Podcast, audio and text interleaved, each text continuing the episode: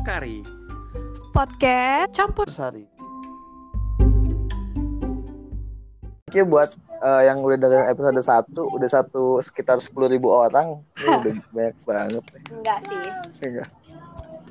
Berarti udah siap, udah siap endorse Pokari ya?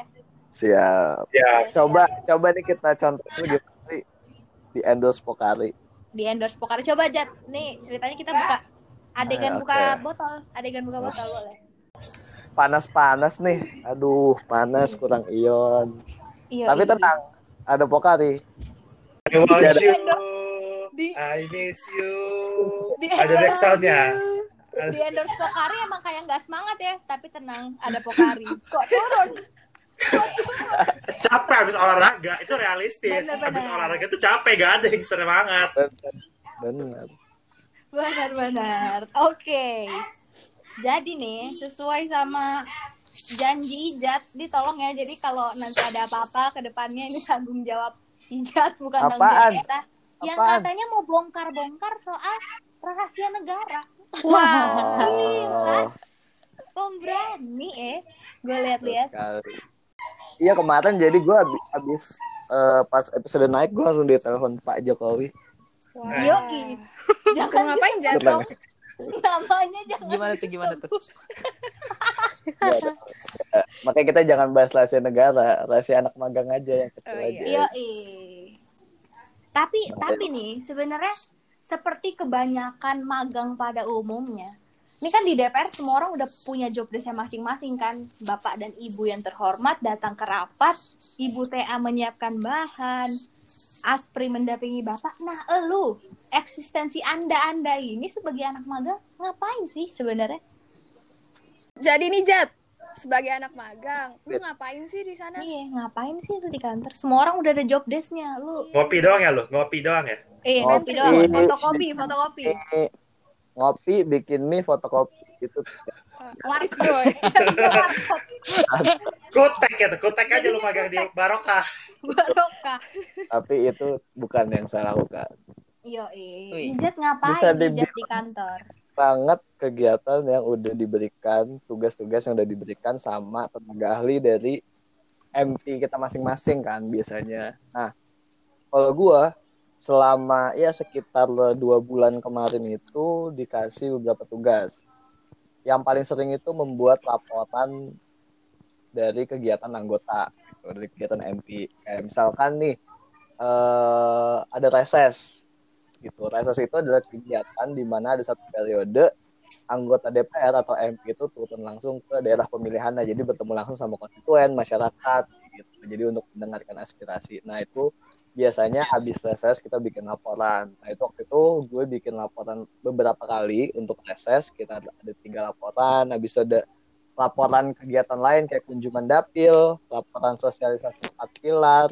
Jadi emang waktu itu fokus pertama-tama tuh ditugaskan untuk membuat laporan. Habis itu juga ngerjain media monitoring setiap hari, kayak ngelihat eh, di media kira-kira apa nih isu yang sedang hangat. Habis itu kita eh, kita kasih laporannya ke ibu eh ke ibu. TA. laporannya ke MP kita gitu biar eh, mereka tuh tahu kira-kira apa yang happening nih yang lagi happening di masyarakat kayak gitu. Terutama kalau dari gue khususnya di isu kesehatan dan ketenaga kerjaan gitu. Misalkan kemarin tuh soal eh, BPJS kenaikan BPJS soal kartu prakerja soal bantuan-bantuan untuk para pekerja gitu soal COVID COVID nah itu terutama tuh jadi emang komisi 9 nih talent kali ini lagi eh, ngebut banget gitulah kerjanya selama pandemi ini kayak gitu. Habis itu juga, nah ini yang menarik sih. Waktu itu gue tuh di school tuh bikin, jadi gue di, di apa dikasih project gitu, project buat Yo, data, Project apa tuh? project. Aduh, mau ngejokes nggak jadi, nggak jadi. Iya, kurang ya. Patahnya kurang ya. kurang patah. Ya, gue tuh dikasih project buat eh metain konstituen sama eh, di daerah pemilihan gitu. Jadi eh, ngelihat gimana sih nih eh, eksistensi dari Ibu Vida, eh, anggota DPR yang gue dampingin itu di daerah pemilihannya di daerah pemilihan atau dapil Jakarta 2 yang mencakup Jakarta Selatan, Jakarta Pusat dan luar negeri gitu. Jadi kita pengen lihat gimana sih uh, Ibu Fida ini di masyarakat kayak gitu. Jadi ibaratnya pengen Hmm. uh, ke masyarakat masyarakat kalau Ibu Fida ini udah manfaatnya tuh udah seberapa besar ke masyarakat selama satu tahun ke belakang. Jadi ngelihat gimana sih progresnya selama satu tahun. Nah itu yang menarik adalah ya jadi udah ya bisa dibilang udah cukup banyak sih masyarakat yang menerima manfaat gitu. Jadi kayak dari uh, aspirasi, kemudian dari program, dari kegiatan-kegiatan yang dilakukan gitu. Alhamdulillahnya emang uh, udah banyak itulah yang berhasil uh, dilakuin selama satu tahun ke belakang. Nah ini nih maksudnya yang uh, apa yang ngebuka mata gue juga sih kalau misalkan uh, DPR gak cuma ya di media ya berarti sering dibilang DPR tidur fotonya tuh disebar ke mana DPR tidur DPR males DPR Yes. ngapa-ngapain. Itu sebenarnya saya bilang salah gitu. Saya ya mungkin ada eh, beberapa dan Yang ada dan gitu. pernah yang kayak gitu. Tapi dalam Korea justru anggota DPR itu ada 575 orang. Nggak 500 orang tidur. Kalau 500 orang tidur mending di rumah aja gitu nggak usah di, nggak usah di gedung kura-kura kan.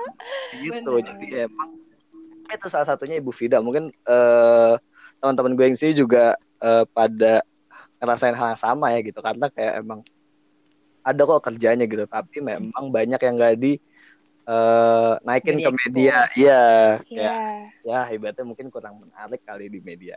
Tapi ya itulah. Kurang. Salah satu tugas gue sih itu sih dan gue senang sangat senang gitu melakukan hal itu dan membantu untuk mengabdi ke masyarakat juga sih bisa dibilang Berarti anak magang tuh nggak gabut loh gitu. Ada kerjanya Betul, anak tidak magang gitu, Ada, gitu. ada. Jadi kita magang bukan cuma untuk sekedar memenuhi SKS ya.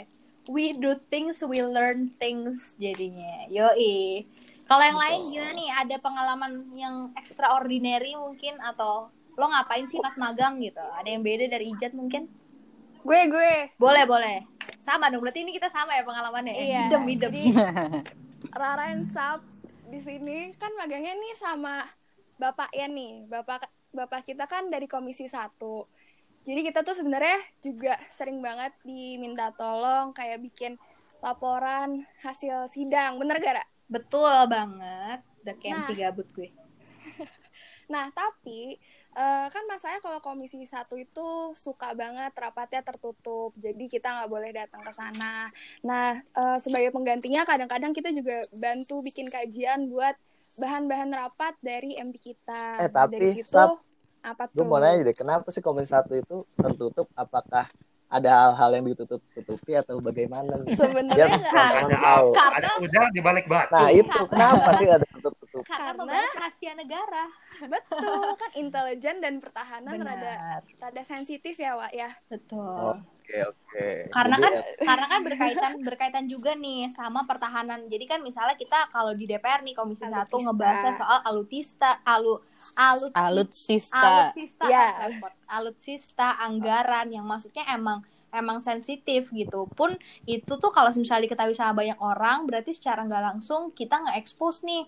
al- Oh, jadi Pertahanan pertahanan negara. Indonesia tuh segimana. Jadi hal-hal itu sih Oh. sebenarnya ngebikin kenapa rapat DPR itu ada yang tertutup, ada yang terbuka. Jadi bukan bukan sekedar ah nggak apa-apa biar masyarakat nggak tahu, bukan kayak gitu. Tapi Yes, ada alasan yang benar jauh banget. lebih jauh lebih kompleks dibandingkan sekedar buat eh, rapat ditutup-tutupin gitu sih kalau misal di komisi satu.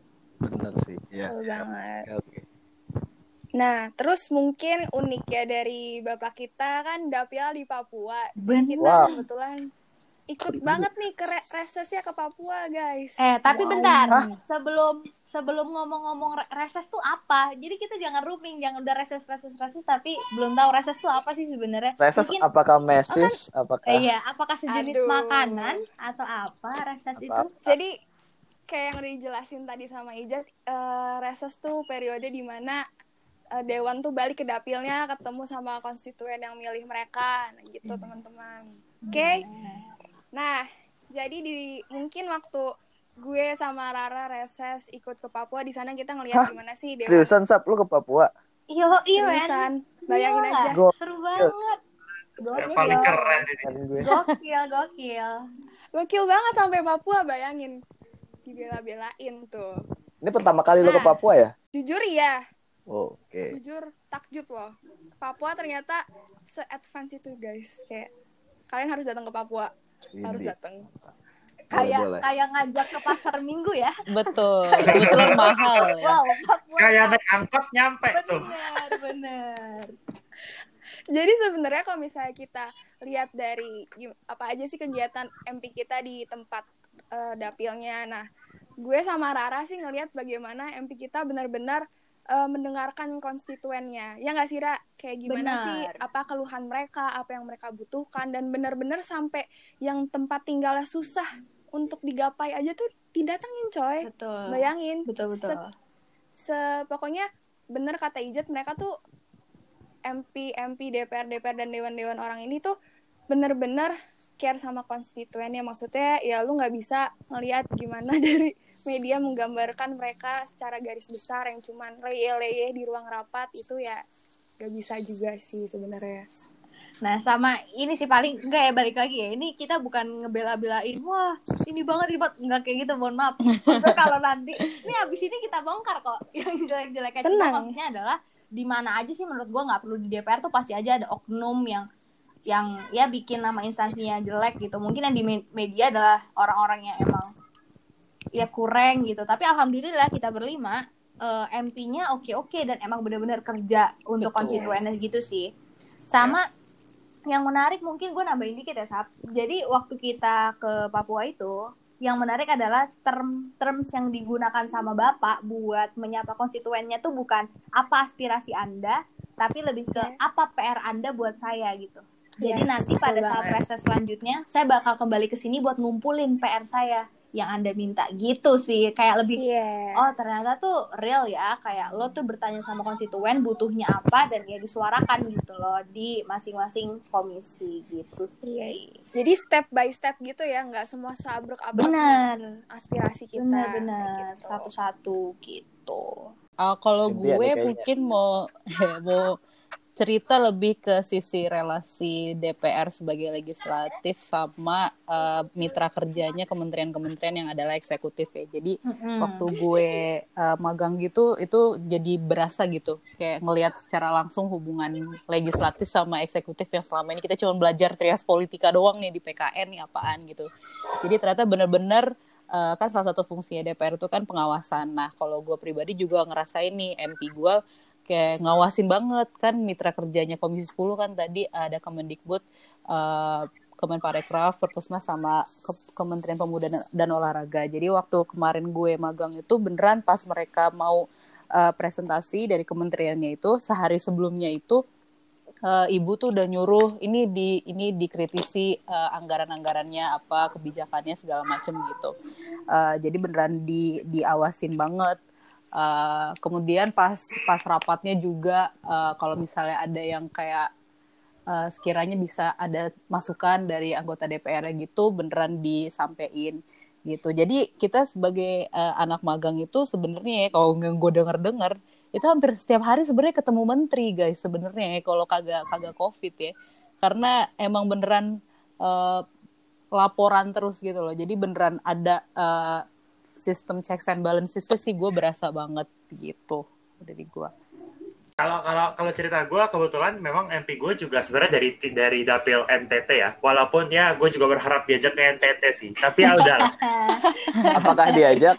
Lah dia. aduh di Jakarta aja. Jadi memang teman-teman eh, kayak kayak Rara sama Sabrina bisa diajak. Gua nggak. Memang semua tergantung sama MP masing-masing sih. Jadi memang nggak ada peraturannya atau nggak ada eh, apa ini iya dan segala macam. Cuman semuanya ter- tergantung sama MP masing-masing. Tapi eh, justru nggak apa-apa juga gitu karena eh, ngeli walaupun misalnya pas masa reses, eh, reses gitu, eh, pas MP gua turun ke NTT, TA-TA-nya yang di Jakarta pun setiap hari kerja juga buat ngebantuin dia, baik nyiapin materinya, terus bikinin publikasinya, bikinin press, press release-nya, bikinin caption-nya, apalagi kalau MP gue tuh aktif banget di Facebook gitu kan, karena memang orang-orang di NTT sana tuh fanpage banget gitu, bahkan nge- baru ngepost pagi itu siang sudah ribuan yang komen Hmm, eh, wow ya, karena ya, mantap Iya, ya Facebook banget dah.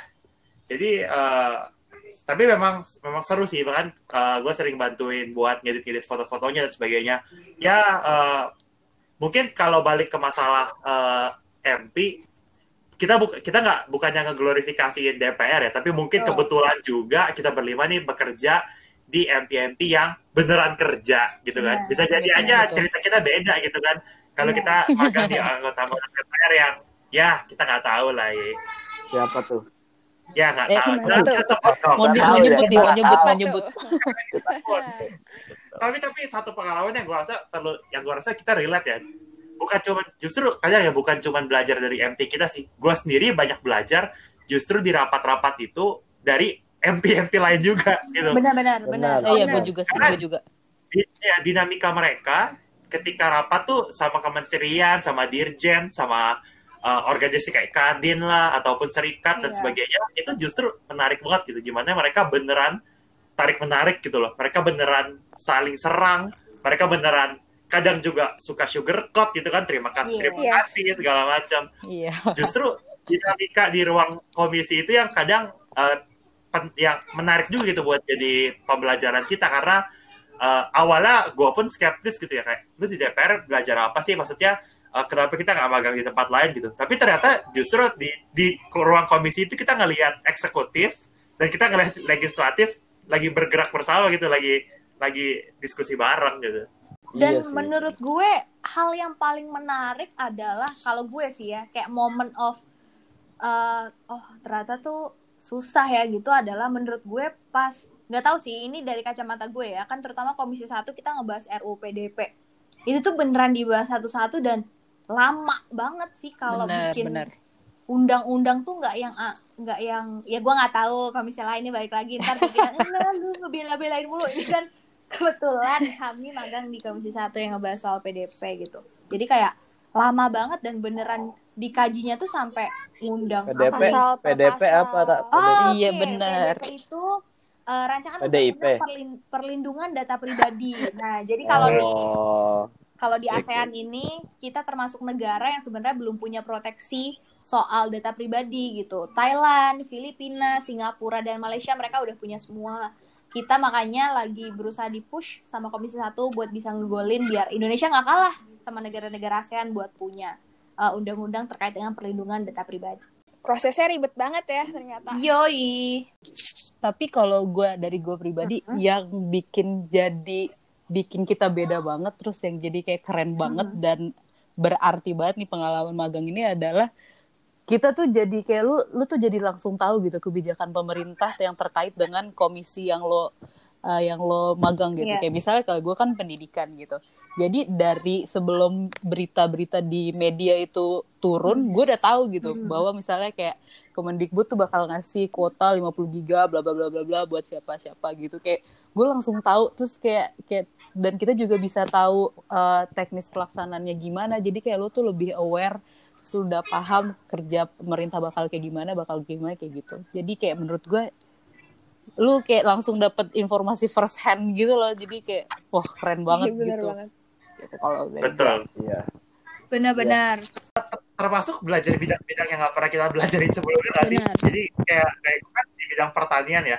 Awalnya tuh gue nggak lost banget tuh apa ini pertanian. Aku harus mem- mempelajari alat mesin Padi. pertanian. Kecambah. Kecambah, Sawah. toge, toge. Tapi tapi justru jadi relevan banget itu karena eh, yang nggak pernah kita pelajarin ya. Karena kan memang kita di kampus kan belajar selalu broad gitu, ya, terus selalu terlalu luas, selalu apa? Selalu ya nggak nggak spesifik gitu. Ya walaupun beberapa isu-isu spesifik. Tapi justru di sini kayak misalnya masalah eh, di Kalimantan mau bikin food estate gitu. Malah jadi belajar banyak banget gitu alat-alatnya apa aja, terus kebutuhannya apa. Lu tanam pohon tuh satu hektar bisa tanam berapa dan sebagainya. Jadi Oh. justru yang ya walaupun kita nggak tahu lah ya suatu saat ilmu-ilmu itu akan dipakai atau enggak, tapi namanya ilmu kan nggak ada yang sia-sia, ya nggak sih? Benar. Oke.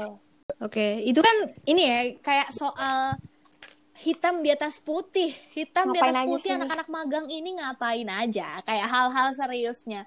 Tapi gue nggak bisa memungkiri kalau kita pun yang namanya manusia ya Wak, di mana mana ya lo nggak kuliah nggak magang lo pasti ngalamin gak sih yang namanya suka dan duka pasti ada aja peak momen gila cuy magang gue seru banget sampai dengan momen aduh sorry gue ngapain sih di sini? Gitu.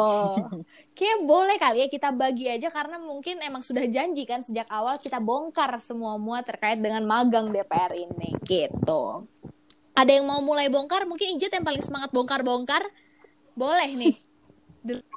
Bongkar pasang terpasang bener. Boleh nih. Asal. Iya sih, dikit doang. sukanya tapi. dulu deh sukanya. Ya soal, soal suka duka ya, ngomong soal suka duka magang.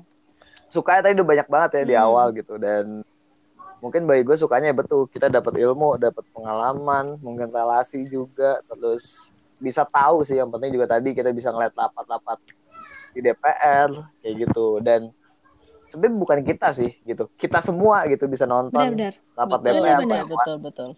ada yang namanya TV parlemen gitu. Nanti mungkin eh jangan spoiler. eh, bisa diakses. Jangan Kita akan bahas itu nanti, nanti. kita bahas itu Betul. Pot, betul sekali. nanti ini kita bakal bahas soal TV parlemen. Apa sih TV parlemen? Yoi, betul betul. lagi ngomongin soal suka duka. Sukanya tadi ya banyak banget ilmu dan pengalaman yang bisa didapatkan relasi gitu tapi di sisi lain kita juga punya rasa duka gitu kadang bukan kita ya kalau gue sih gue merasa waktu kemarin magang itu capek sih Hmm. Ya hal yang ya wajar Mm-mm. gitu sebagai orang yang kerja cuman itu kadang eh, kita dikasih tugas tiba-tiba misalkan kalau gue eh, misalkan jam malam gitu misalnya udah pulang Mm-mm. kantor tiba-tiba eh Iksan eh Iksan kerjain ini ya gitu terus kayak oh iya siap mbak gitu ngomong sama TA-nya jadi kayak ya kadang misalnya bisa lewat batas waktunya mungkin ya karena dibutuhkan juga besoknya kayak jadi kayak ya cukup beratnya di situ sih kayak gitu terus Benar. Nggak usah Karena ini nggak aja. jat, karena kayak emang kerja DPR tuh kayak nggak ada waktunya Iya, gitu loh. bener, Kayak bener, kerja Fleksibel banget. Iya juga sih. Sabtu Benar. Minggu aja kalau ada kerjaan ya mereka tetap kerja. Contohnya kan balik-balik buat ngegas RUU Sabtu Minggu betul. digas aja tetap kan masuk bahas Betul. gitu. dan Iya. dan itu Hantam aja hantam. karena mendengarkan masyarakat itu nggak pernah ada kata Gila banget. DPR. Weh, Itu. asik. Kan calon wali kota. Wali kota mana Jat? betul sekali wali kota betul jadi kayak emang ya itu ya tergantung MP lagi tapi maksudnya eh, ya kadang eh, kita mendengar aspirasi juga tapi kadang juga ada hal hal yang receh yang disuruh kayak misalkan coba cari kontak eh ini kontak ini Hmm. kontak ini tolong hubungin jadi kayak ya itu baik lagi. Ketika kita magang DPR sama anggota nggak semua juga soal politik soal administrasi dan laporan dan kayak soal DPR lah gitu. Ada juga hal kayak ya karena kita mendampingi ada juga hal receh yang harus kita kerjain. Ya lu harus terima itu juga ketika lu masuk. Bener. Udah ya bisa dibilang eh, jadi salah satu duka bagi gue sih capek aja yang mungkin eh, ya lama kelamaan tapi bisa ditolerir sih jadi kayak oh kayak emang pace kerjanya kayak gini harus membiasakan diri aja Simulasi dunia kerja. Bener. Mantap. Bener banget. Simulasi dunia kerja betul banget. Kalau nggak tahu sih, mungkin emang kayaknya sebenarnya masalah masalah duka utamanya adalah capek. Itu kayak capek ya gitu lama-lama kayak hmm, lumayan kerasa ya gitu.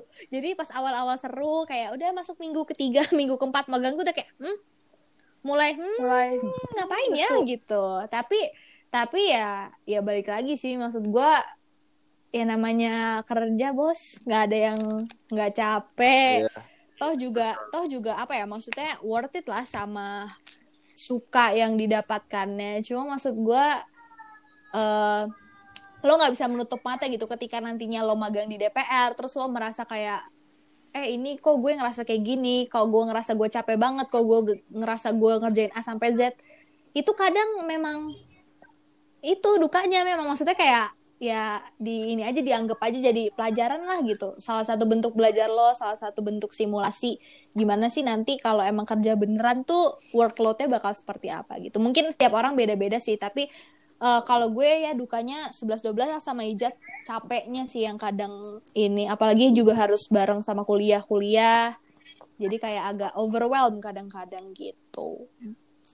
Tapi di sisi lain juga eh, ada juga beberapa kasus kayak misalnya gue cukup fluktuatif gitu. Ada saat-saatnya banyak kerjaan, tapi ada saat-saatnya tuh gabutnya minta ampun tuh. Sama, Karena benar di saat-saat gabut itu setuju. juga Benar. jadi jadi kehilangan makna tuh kayak aduh gue ini ngapain sih di sini. Gitu kan? Jadi ya sebenarnya si- di sa- ketika satu sisi eh, kita dapat banyak kerjaan ya itu simulasi dunia kerja. Tapi di sisi lain kalau lagi duka gara-gara nggak dikasih kerjaan, ya realitanya kita masih anak. Benar.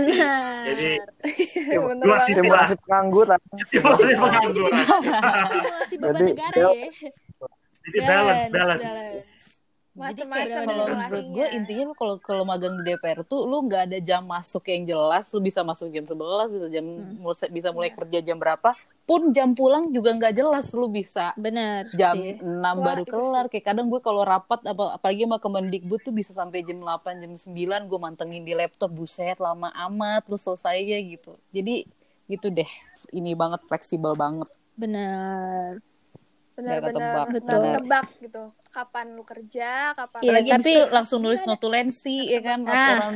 Aduh, udah deh Iya panjang. betul. Tapi percayalah kalau nggak tahu sih yang lain ngerasain yang sama atau enggak akan ada suatu momen di mana lo krisis identitas aja kayak lo Iya.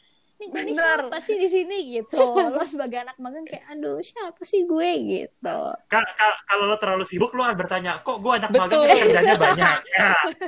Bener kalau lo gak ada kerjaan lo juga akan bertanya-tanya kok gue magang gak ada kerjaan nah itu pokoknya lo akan menemui masa-masa nih ngapain sih kita di sini gitu tapi kadang lu ngerasa gini gak sih? Nih Apa kok tuh? jadi gue yang lebih pintar dari TA-nya ya? Iya gak sih? Kadang lu ngerasa gitu gak sih? Nah, itu dia. gue Gitu, bener. Ada saat-saat. kajian. Kan saya masih magang, Mbak, gitu. Ada saat-saat kita diandalkan. betul. Itu kalau kita udah titik di titik kita diandalkan itu sebenarnya suka dan duka dua hal yang Benar. sama.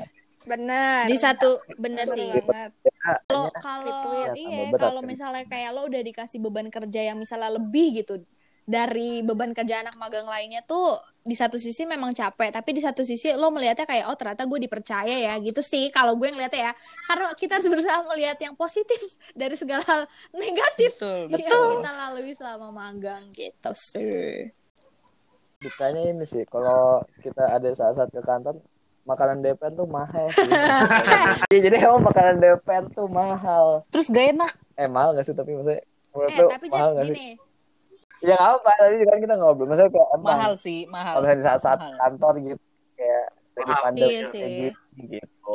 Mungkin karena kita Benar, benar, benar, mahal. benar. Enggak, Eh, kalau tapi- dibandingin Betul. kantin kampus tuh mahal banget cuy DPR tuh. benar sih. Iya, iya. Sekali lagi, sekali lagi simulasi itu. Eh tapi tapi nih kita kasih ini kali ya kita kasih yang denger ini trivia gitu siapa tahu nantinya mereka magang di DPR biar nggak aduh aku makan di Trivia. mana ya kayak aduh aku lapar aku Oh. bentuk sekali ngopi di mana ya gitu ini kayak satu-satu kita perlu mengungkapkan nih enaknya tuh kalau di DPR makan apa terus kayak belinya di mana sih boleh nih kayak GG lo biasanya Jadi ya, ini pernah seakan-akan DPR itu food Iya. court ya. Jadi banyak pilihan. Iya. kalau- namanya namanya juga pokari jadi campur sari nggak apa-apa dong kita ngasih trivia trivia gitu kalau lo Ge, biasa lo makan di mana sih Ge kalau di DPR Gue tuh, gue tuh malah kalau di DPR tuh jarang. eh kayak gue makan di kantin DPR tuh cuma kehitung jari gitu. Hmm. Karena either gue bawa makan Hmm. atau gue diajak pergi keluar makan. nah Nggak, Wow. sama sih tapi ya, ya rasanya makan-makan di kantin DPR. Menurut gue sih ya kayak kantin-kantin pada umumnya aja iya sih. Ah. tapi lo ada makanan favorit gitu gak sih menu menu favorit lo nasi fisik di- dong. takor dong Kalau nasi awal ditakor. Eh apa ya? Gak ada, gue gak punya, gue gak ada makanan favorit, tapi gue gak sempet makan bakmi yang katanya enak banget, yang di pojokan itu, Oh. yang di gerobak itu, bakmi pojok Oh, itu. sih, Oh. Para enak pernah sih, enak. bentar. Yang Nah, nah, nah, ini, ini, ini, ada yang bilang gak enak, tapi TA-TA gue bilang itu babinya enak banget. Nah, itu gue gak sempet cobain. Duduh. Cynthia kalau Cynthia gimana nih lo lo kalau di DPR jajan apa sih makan Gue- apa sih lo gue juga agak tersiksa ya di DPR tuh kagak enak makanan menurut gue. Menurut gue kagak enak terus mahal. Nah cuman gue itu kalau mis kalau misalnya ke sana eh, sukanya adalah gue nggak pernah keluar duit pokoknya kalau di DPR buat makan. Karena selalu dibayarin either sama sama ibu-ibu THA-nya sih Wah. sebenarnya selalu. Itu. Tapi gue tuh makannya tuh di belakang yang koperasi itu loh jadi yang dia Risanti kayak ya, lebih terpisah Risanti. gitu. Ah Risanti, iya benar Risanti. Gue itu relatif lebih bersih terus dingin terus ada social distancingnya gitu beneran Yes, nggak betul. rapet-rapet gue makan apa ya Iya, gue Iya. pernah tuh Mm-mm. di Risanti. Gue Social pesan telur, dia fresh Abis- banget. Abis fresh ini itu ya? kayak apa? Emang Telur fresh kayak apa? emang di belakang di belakang Risanti ada kandang ayam apa gimana? fresh banget. Telur dadar langsung iya di benar dadar di itu saat bersih sih Ya menurut kalau gue. tidak ada hari sebelum, jadi telur dadar. Telur basi, Bos. dong. Enggak maksudnya enggak kayak watek-watek gitu yang dia udah di di tapi kayak mbak saya mau telur dadar langsung didadar di saat itu tapi pas nyampe nasinya udah habis lama ya lama lama Lama. lama dan lama lama itu plus minus Saking freshnya. Saking freshnya. Nah, tapi apa itu apa itu sayur asem sayur asem Risanti lumayan loh, enak, manis manis, lumayan lah gitu. Sayur asam itu harusnya nggak manis dong. Sorry. Harusnya asam. Kalau manis, ada ini sayur asam mana Alvira? Sorry sorry, namanya juga sayur bener. Ini kita jangan jadi debat sayur asem. Jangan kalau sayur asam debat sayur manis asem. Jadi sayur asem Risanti kebetulan manis dan gue suka gitu. Kalau ngopi ngopi ngopi di mana ngopi ya? kopi gue di Bengawan Solo sih gue lebih Banyak. sering ya Benson Emang- Bengawan Solo. Emang anak-anak magang ini gini ya, makan bilangnya mahal, beli kopi di Bengawan Solo. Memang. Aku kalau gua mah kopi di koperasi aja lah. Wede. Ijat, ijat kopi di mana, Jat? Di gue kopi di ruangan Betul. di ruangan gue jadi pantry. di ruangan gue ada Waduh, coffee shop gitu jadi di Coffee shop. Oh, barista. Oh. nyeduh sendiri ya ada alatnya gitu Tapi Betul, banyak sih banyak. coffee shop di DPR lumayan. eh tapi Iya, ngomong-ngomong Banyak, ngomong gua itu nggak banyak. Iya, kayak kesannya ya Allah. tapi ngomong-ngomong soal Bengawan Solo gue juga mau ngasih saran tips and trick guys Oh, boleh, jadi boleh. jadi jangan pesen risol atau pastelnya ya di Bengawan Solo tuh Eh, Cynthia, Kaget, kenapa gak kaget. perlu aja kan? Ya udahlah, Nggak. bawa aja lah. pertama kan gue pikir semahal-mahalnya gorengan berapa sih bos ya kan paling goceng lah paling mahal sepuluh ribu Sepuluh ribu. masih mahal gue pede dong ya kan bu pesen pastel dua gitu kan bet bet bet ternyata satu 20.000. pieces tiga puluh ribu Hmm. kali dua enam puluh dua ribu untuk Oh. gorengan sudah bisa makan yang full course gitu loh Bener. itu itu pastel itu pastel isinya Iya. janji-janji dari susu eh Mungkin pastelnya telurnya fresh. Telurnya Seperti fresh. telurnya fresh. oh betul Kulitnya baru dibikin detik itu juga mungkin. Telurnya fresh, Kulitnya semuanya fresh. Aduh janji-janji politis Bisa-bisanya lu Jat. Ini emang ijat-ijat ini ya. betul ya tapi itu sih emang risol di itu gue pernah nyobain Apa? Risol Bengawan enak sih tapi untuk harga tiga puluh ribu kan enak loh. sakit hati juga Wak. Harganya agak nggak enak. Iya. Pisang goreng. Jadi sebenarnya saran nih, saran penutup dari kita soal makan dan minum adalah kalau lo bisa bawa bekal ya lo bawa aja. Bener, Kalau bener. emang lo mau ngopi terus budget berlebih silakan ke Bengawan Solo. Kalau enggak bisa ke koperasi atau lo bawa saset mungkin kopi dari rumah nyeduh sendiri di kantor. Ja, Oh terus ya, kalau- Atau jantung jantung sehat. Bener, jantung sehat bisa, Risanti bisa, Pujasera bisa. Jadi intinya adalah lo nggak bakal kelaparan lah di DPR Betul. itu. Jadi aman-aman aja. Iya, betul. Tapi, tapi karena ini yoi. lagi pandemi lebih baik Benar. kalau bekal juga itu lebih baik lebih higienis dan Benar. itu juga gak masalah sih betul. Menjaga diri kita dan nah, orang lain. Tapi nih guys, kalau ditanya, nih kita balik lagi ke serius-serius ya, biar nggak biar nggak kayak bercanda banget nih podcast nih. Apa sih sebenarnya kalau lo ditanya satu pelajaran terbesar yang bisa lo ambil dari keseluruhan magang lo, eh, bisa dalam hal politik atau misalnya dalam hal kehidupan yang terserah. Kalau menurut lo pribadi nih, apa tuh kira-kira? Hmm, apa ya? Apa tuh? ini sih Apa tuh? Ini Apa sih itu sih. Ah, Kalau menurut gue ya, eh, itu adalah maksudnya yang paling membekas sampai sekarang tuh kayak ya DPR tuh beneran kerja mendengarkan masyarakat gitu. Maksudnya kayak ya mungkin salah satu faktornya adalah eh, gue magang sama anggota DPR sama MP yang dia baru pertama kali terpilih gitu dan itu juga salah satu maksudnya dia pengen ya beneran mengabdi, pengen bene- beneran menjadi wakil rakyat bagi para benar. eh, orang-orang di DKI ya karena khususnya di DKI Jakarta 2 di dapilnya gitu. Jadi kayak emang ya semua hal-hal yang dikatakan media nggak sepenuhnya benar gitu. Kan misalkan DPR suka tidur dan kayak kejam DPR kayak dan segala macam. Ada kok misalkan yang emang benar-benar kerja. Dan jujur gue sebelumnya sangat skeptis gitu sama DPR yang ya kayak ah, apaan sih gitu magang DPR paling gak ngapa-ngapain karena DPR kan juga nggak kerja gitu. tapi pada ternyata dipatahkan gitu dengan gue ketika gue terjun langsung di DPR gitu jadi itu sih yang paling emang bekas dan menjadi pengalaman sih dan gue akan share salah satunya di podcast Iya, ini buat mantap, kalian Gila, gila, gila. gokil nggak tuh Abis ini dia bikin monolog podcast aja udah. Abis ini. Benar. Jadi mau dengerin podcast gue ya Den. Eh, kalau gue tentu belajar kerja lah ya. Itu itu paling basic lah ya. Belajar kerja profesional lah itu. Eh, yang yang beneran perlu dipelajarin. Cuman kalau buat berhubungan sama politik gue rasa memang gue semakin sadar kalau memang kalau lu pengen duel di bidang politik ya apalagi lu pengen jadi wakil rakyat eh, pekerjaan politik tuh beneran pekerjaan sehari-hari gitu. Memang setiap hari setiap saat. Sehingga lu harus sudah selesai dulu sama diri lu sendiri baru lu bisa sepenuhnya jadi wakil rakyat Benar. gitu.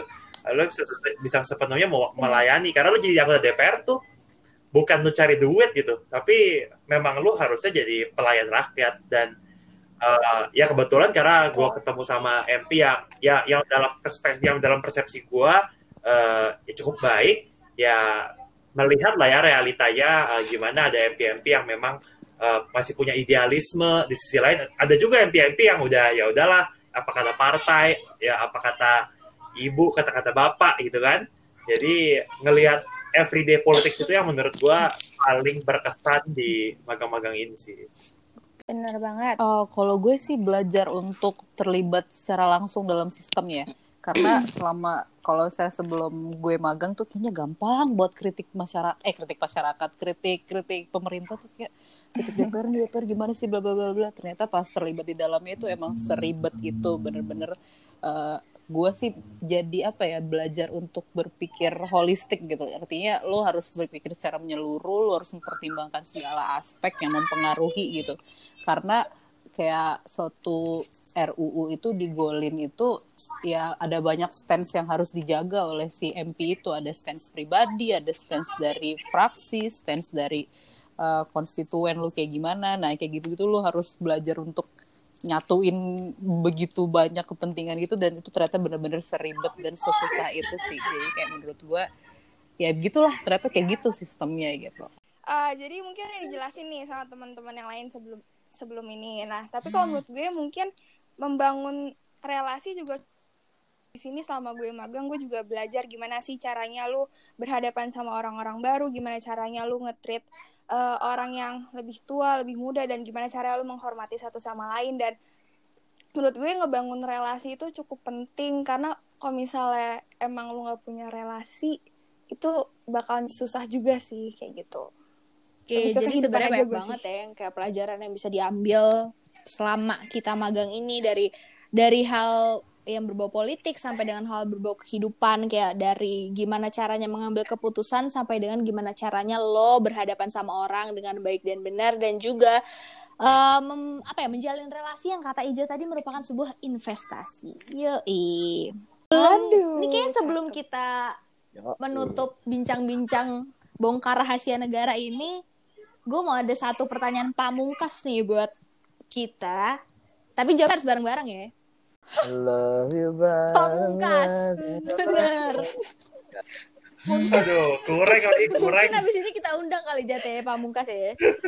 udah tahu kan gimana nih caranya magang di DPR dan apa aja sih yang kita lakuin dan juga apa aja suka duka yang kita rasain selama kita jadi anak magang. Tapi di sini, kalau misalnya kalian masih penasaran tentang eh, kehidupan magang permagangan di DPR ini, bisa banget mantengin kita. Kalau nggak penasaran, nggak apa-apa, kita Bener banget ya guys. Betul. apa? Ya iya. Betul. Karena karena ini Kita adalah harus kewajiban menyebar kita. luaskan berita-berita baik. Betul. Betul. Bener banget. Selain rahasia, kita juga akan menyebar. Oh, Oke. gitu. Sampai jumpa di podcast selanjutnya teman-teman. Bye bye. Yo. Bye-bye. Eits, nggak cuma satu episode, tungguin episode lain dari Pokari ya.